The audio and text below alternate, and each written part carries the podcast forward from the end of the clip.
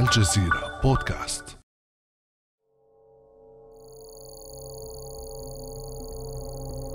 تخيل أن هناك خمسين ألف رقم هاتف معلن عنها كأهداف محتملة لبرمجية بيجاسوس. 15 ألف فقط منها في المكسيك ويوجد أيضا آه، عدد لا بأس به في دول الخليج العربي. نتحدث عن البحرين عن الإمارات عن قطر. عن المملكة العربية السعودية عن اليمن. تبدأ العملية باكتشاف ثغرة في نظام التشغيل نظام تشغيل أندرويد أو آي أو إس حيث يقوم فريق متخصص بالبحث والتطوير بمهمة الحصول على هذه الثغرة وكذلك طريقة استغلالها.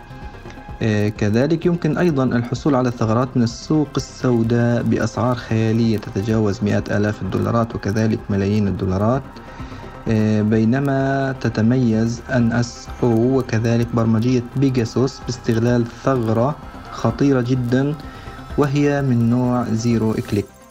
كان هذا صوت هيثم محمد أحد المبرمجين المتخصصين في التعقب في تصريح لبعد أمس متحدثا عمن يعرفون بصيادي الثغرات بعد الأزمة العابرة للحدود المعروفه بفضيحة برمجية بيجاسوس. هذه شركة ان اس أو الإسرائيلية التي تستعين بخبرات الوحدة 8200 في الجيش الإسرائيلي وبعتها لأنظمة وحكومات سمحت بالتجسس على هواتف رؤساء ووزراء وشخصيات اعتبارية وصحفيين وناشطين وحقوقيين ورجال أعمال.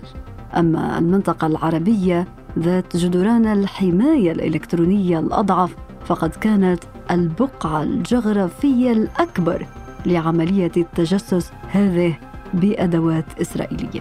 لتصبح بذلك البيانات أداة تمكن الدول من تعزيز سيطرتها ونفوذها عالميا فيما يشكل الصراع على هذه البيانات صداعا ينذر بأزمات مستقبلية تهدد خصوصيات الناس وحرياتهم وفق الباحث في السياسات التنموية عبد الدايم البطوي. اليوم آه، بصراحة أصبح العالم أمام تحديات وتحولات عميقة وسريعة ولعل من أبرز تجلياتها هو تنافس الدول والشركات متعددة الجنسيات على البيانات. ولعل تأكيد الرئيس الروسي في لقائه الأخير الذي جمعه بنظيره الأمريكي جو بايدن على أهمية التعاون فيما يخص الأمن السبراني هذا التصريح يكشف المستور حول تزايد القلق المستمر حول الهجمات السبرانية ومسألة حقوق الإنسان وذلك لأنه السيطرة والنفوذ من نصيب من يمتلك أكبر قدر من البيانات بالإضافة إلى قدرته على تحليلها وتوظيفها بالشكل المناسب سواء اقتصاديا سياسيا وحتى أمنيا. كما يمكن يعني ملاحظة تأثير حرب البيانات في الأمن القومي للدول واستقرارها وكذلك التأثير في سياساتها العمومية. كما يمكن اعتبارها صراحة محدد رئيسي في موازين القوى بين الدول والهندسة الاجتماعية للجماهير. فكيف تدور رحى حرب البيانات الجديدة؟ وما مخاطرها؟ وهل يحاسب الاحتلال الإسرائيلي لبيعه تقنيات وآليات جوسسه تدعم أنظمة استبدادية والا يعد ذلك اختراقا خطيرا للمنطقة العربية وخصوصياتها وماذا بعد بيجاسوس. بعد أمس من الجزيرة بودكاست أنا أمال العريسي.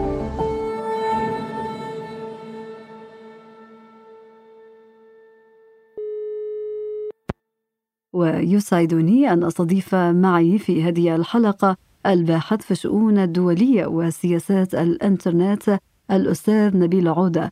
أهلا بك أستاذ. أهلا وسهلا يا مرحبا. أستاذ نبيل بداية ما قصة حرب البيانات؟ وكيف تحولت البيانات إلى أداة لفرض السيطرة والنفوذ في حقل العلاقات الدولية؟ بداية أمال نحن نتحدث عن أن البيانات أصبحت هي ما يعرف ببترول هذا العصر. وإذا إحنا نتكلم سابقا عن حالة آه، نوعا ما هامشية في مجتمعاتنا وهي البيانات عندما كانت تحدث على نطاق ضيق جدا متعلقة آه، في بعض الشركات الكبرى والحكومات نحن الآن نتحدث عن حالة سائدة. طاغية على مجمل حياتنا آه، اليومية. فالبيانات ليست فقط حكرا على الحكومات أو حكرا على المؤسسات الكبرى أو على الشركات وإنما أصبحت متاحة للجميع. فالشركات الكبرى الحكومات وحتى أيضا الهاكرز الذين يعملون بشكل منفرد فالبيانات أو جمع البيانات ليست مقتصرة فقط الآن على على الحكومات أو على الشركات الكبرى وما إلى ذلك. وانما أصبحت تعني الأشخاص جميعا بمختلف تخصصاتهم ومختلف اهتماماتهم. ولذلك هناك نوع من الشغف وهناك نوع من آه، الشبق بما يتعلق بجمع المعلومات. نحن نتحدث الآن عن المعلومات يتم جمعها بشكل دائم ودوري وتفصيلي على مدار الساعة. من قبل هذه الجهات سواء كان عبر أجهزة الكمبيوتر عبر أجهزة الهواتف عبر الكاميرات المنتشرة في كل الأماكن الآن في الشوارع في في المرافق العامة وحتى في المرافق الخاصة. آه، ال social media أيضا منتشرة بشكل كبير وأصبحت هي مستودع ومخزن جمع البيانات الضخمة بالإضافة إلى يعني آه، ال drones أو أو الأجهزة ذاتية القيادة وما إلى ذلك. لذلك إحنا نعيش الآن في ما يسمى big data society مجتمعات البيانات الكبيرة. وإذا إحنا أخذنا تسلسل التطور التكنولوجي أمال إحنا بنلاحظ قبل مثلا 200 سنة كان العنصر الذي يحدد معايير القوة وتوازن القوة بين الدول وبين الشركات وما إلى ذلك هو الفحم على سبيل المثال.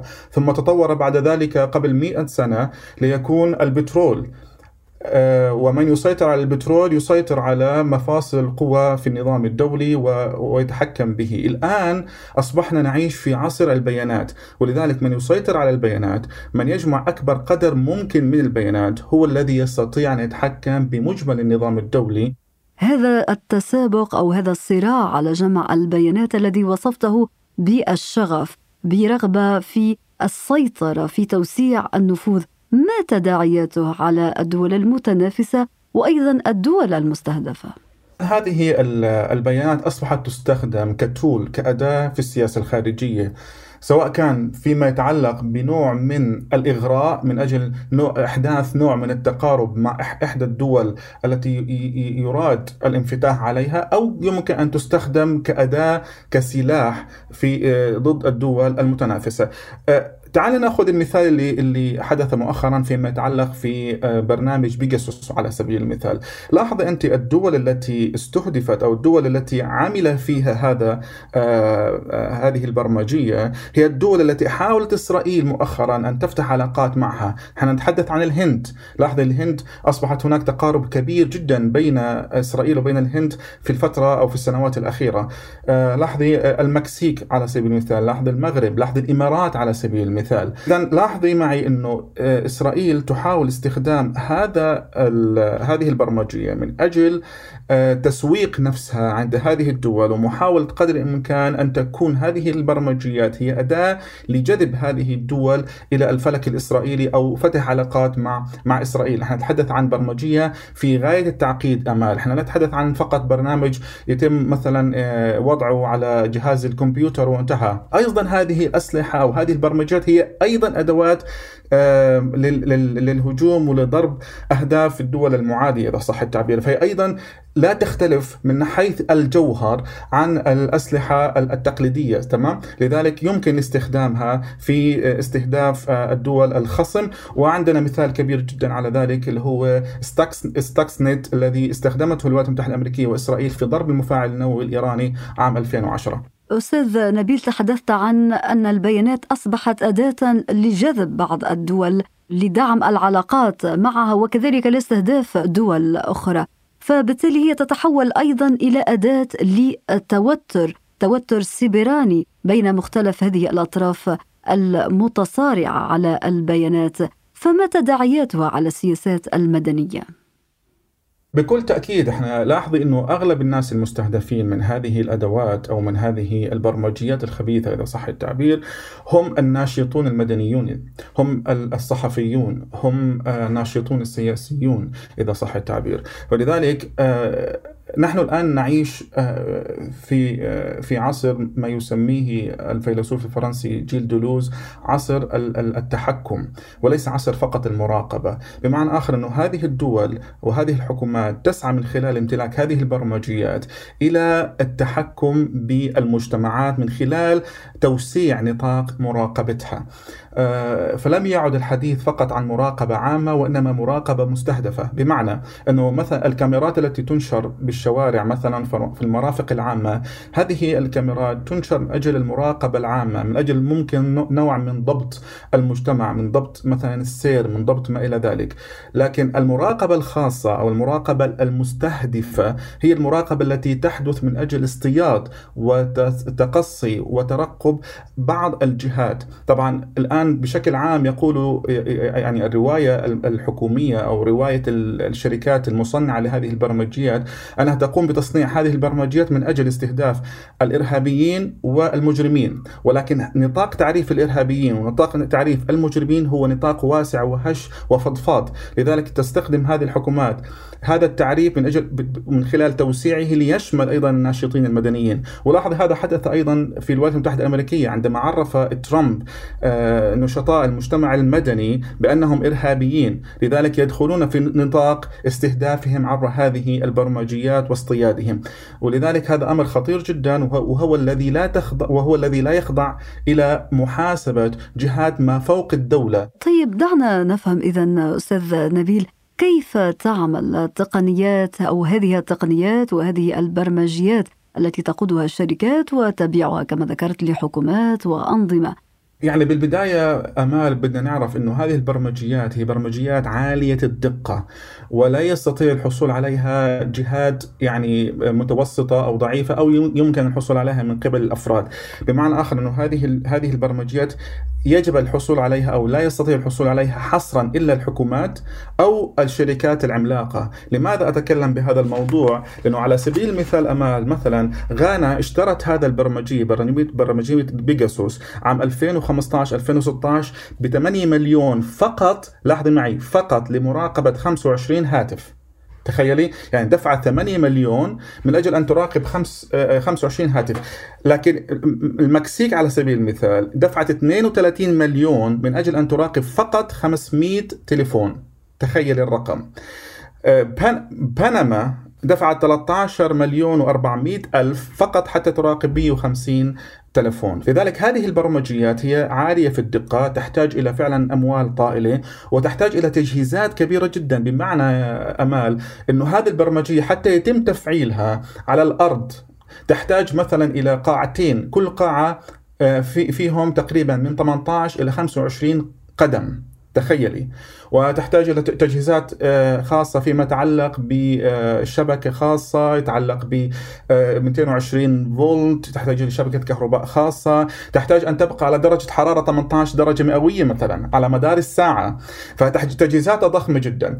كيف تقوم هذه البرمجيات باقتناص آه، الهدف؟ أولا سابقا كانت برمجية بيجاسوس آه، تقوم باقتناص الهدف من خلال إرسال رسالة للشخص المستهدف.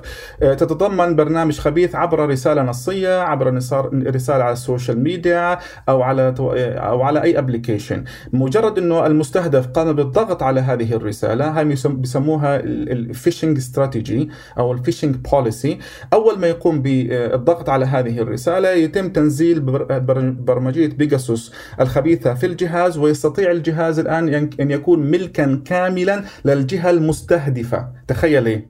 وهذا دون أن تعرف الجهة المستهدفة أن هناك حتى وإن تفطنت الجهة المستهدفة لوجود رابط معين قد تشك فيه 100% يعني البرمجية تنزل على الجهاز دون أن يتفطن لها مستخدم.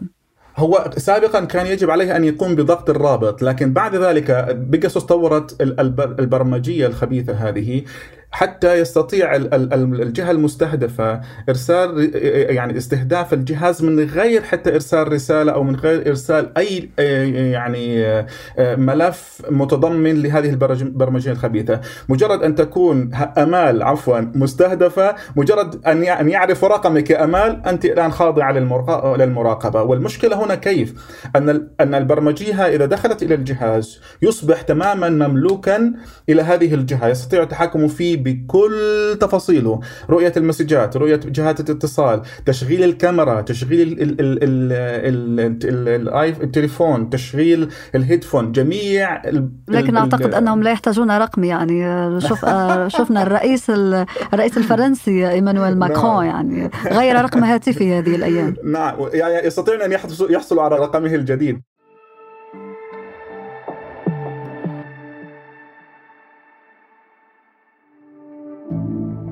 ابقى على تواصل مستمر مع الجزيرة بودكاست ولا تنسى تفعيل زر الاشتراك الموجود في تطبيقك لتصلك الحلقات يومياً. طيب نبيل تحدثنا عن دول عربية موجودة في قائمة المستهدفين بهذه البرمجية برمجية بيجاسوس برأيك ما مخاطر أن تكون شركة إسرائيلية تقف وراء هذه البرمجية وتستهدف دول عربية. يعني إسرائيل أصبحت يعني آه، معروفة أنها هي اللاعب الأكثر خباثة في سوق البرمجيات التجسسية. يعني الشركة الآن تبيع هذه البرمجيات لكل الجهات التي تستخدمها بطريقة آه، قد تستفز بعض الدول الحليفة. اذا إسرائيل أصبحت معروفة في في سوق البرمجيات الخبيثة كأنها يعني آه، يعني أكثر اللاعبين الدوليين سهولة آه، في بيع هذه آه، البرمجيات. بالرغم يا أمال إنه هذه البرمجية لا يمكن بيعها لأي جهة حكومية أو غير حكومية إلا من خلال أن تمر على ثلاث محطات من الموافقة. موافقة أثناء موافقة يعني آه، موافقة الدولة يعني موافقة الحكومة الإسرائيلية. بالفعل. نعم. يجب أن توافق بداية على إجراءات الصفقة. يجب أن توافق أيضا على مخرجات الصفقة ويجب أن ترسل موافقة أثناء البيع. فلذلك يعني معنى هذا الكلام امال إنه الحكومة الإسرائيلية تتحمل كامل تبعات بيع هذه البرمجيات إلى بعض الجهات التي تستخدمها في اختراق أو في انتهاك حقوق الإنسان. ولكن للأسف لا يوجد الان قانون يعاقب إسرائيل على هذا الانتهاك الغير مباشر لحقوق نعم الإنسان. استنادا لكل المعطيات التي ذكرتها أستاذ نبيل. حقوق الإنسان مهددة بسبب هذه البرمجيات. في نظرك الآن أستاذ نبيل إسرائيل تبدو أنها في مازق، هي تدعي احترام الديمقراطية، احترام حقوق الإنسان، تروج لهذه الصورة، ولكن الآن بات واضحا للعلن أنها مروج وتاجر هام في هذا السباق الدولي لبيع أنظمة التجسس التي تمس كما ذكرنا حقوق وحريات الإنسان.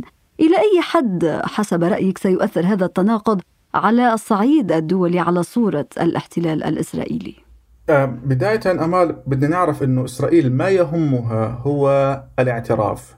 هي تسعى دائما منذ منذ يعني نشأتها على الأرض الفلسطينية المحتلة تحاول تحصيل أكبر قدر ممكن من اعتراف الدول بها ولذلك هي عندها نقطة النقص هذه أو يعني نقطة النقص بالاعتراف الدولي لها ولذلك تخشى دائما من من هذه من من هذه النقيصة وتحاول تعويضها من خلال إغراء الطرف الآخر بالتكنولوجيات الحديثة التي تقوم بها. علينا الاعتراف أنه التكنولوجيا الإسرائيلية بهذا المضمار متطورة جدا وتنافس الدول الكبرى في هذا الموضوع أمريكا والصين. لذلك هي تبيع الأسلحة سواء كان الأسلحة التكنولوجية آه، مثل بيجاسوس أو الأسلحة التقليدية كالصواريخ وما إلى ذلك تبيعها بأقل قدر ممكن من آه، القيود. ولذلك لاحظنا إنه لاحظ معي بعض يعني جرائم الإبادة التي حدثت بإفريقيا كانت من خلال الأسلحة الإسرائيلية وعندما أصبح هناك تحقيق كيف وصلت هذه الأسلحة إلى هناك تبين انها بتسهيلات من الحكومة الاسرائيليه الإسرائيلية بطريقة غير مباشرة مثل جنوب إفريقيا على سبيل المثال عفوا جنوب السودان على سبيل المثال بأسلحة إسرائيلية. وهذا هذا النمط الإسرائيلي امال هي لا تخشى آه، العقاب الدولي لا تخشى المحاسبة الدولية. لذلك آه، هي تتصرف بنوع من الحرية في بيع هذه آه، هذه الأسلحة من أجل تحصيل أكبر قدر ممكن من الاعتراف الدول الأخرى بها. ولذلك أنا تحدثت قبل قليل أنه جزء من بيع برمجية بيجاسوس لهذه الدول هو جزء من فتح علاقات معها خصوصا مع الدول التي لم تكن هناك علاقات معها مثل الإمارات والسعودية وما إلى ذلك. في الختام أستاذ نبيل حقيقة أمر محير وخطير في نفس الوقت. حلقتنا هذه ستبعث القلق لدى مستمعينا. هل هناك إجراءات حمائية يمكن أن نفيد بها المستمعين والناس العاديين؟ لمنع اختراق أجهزتهم بمثل هذه البرمجيات؟ آه، أمال هناك آه، يعني إحنا بنعيش في عصر ال surveillance عصر المراقبة إذا صح التعبير.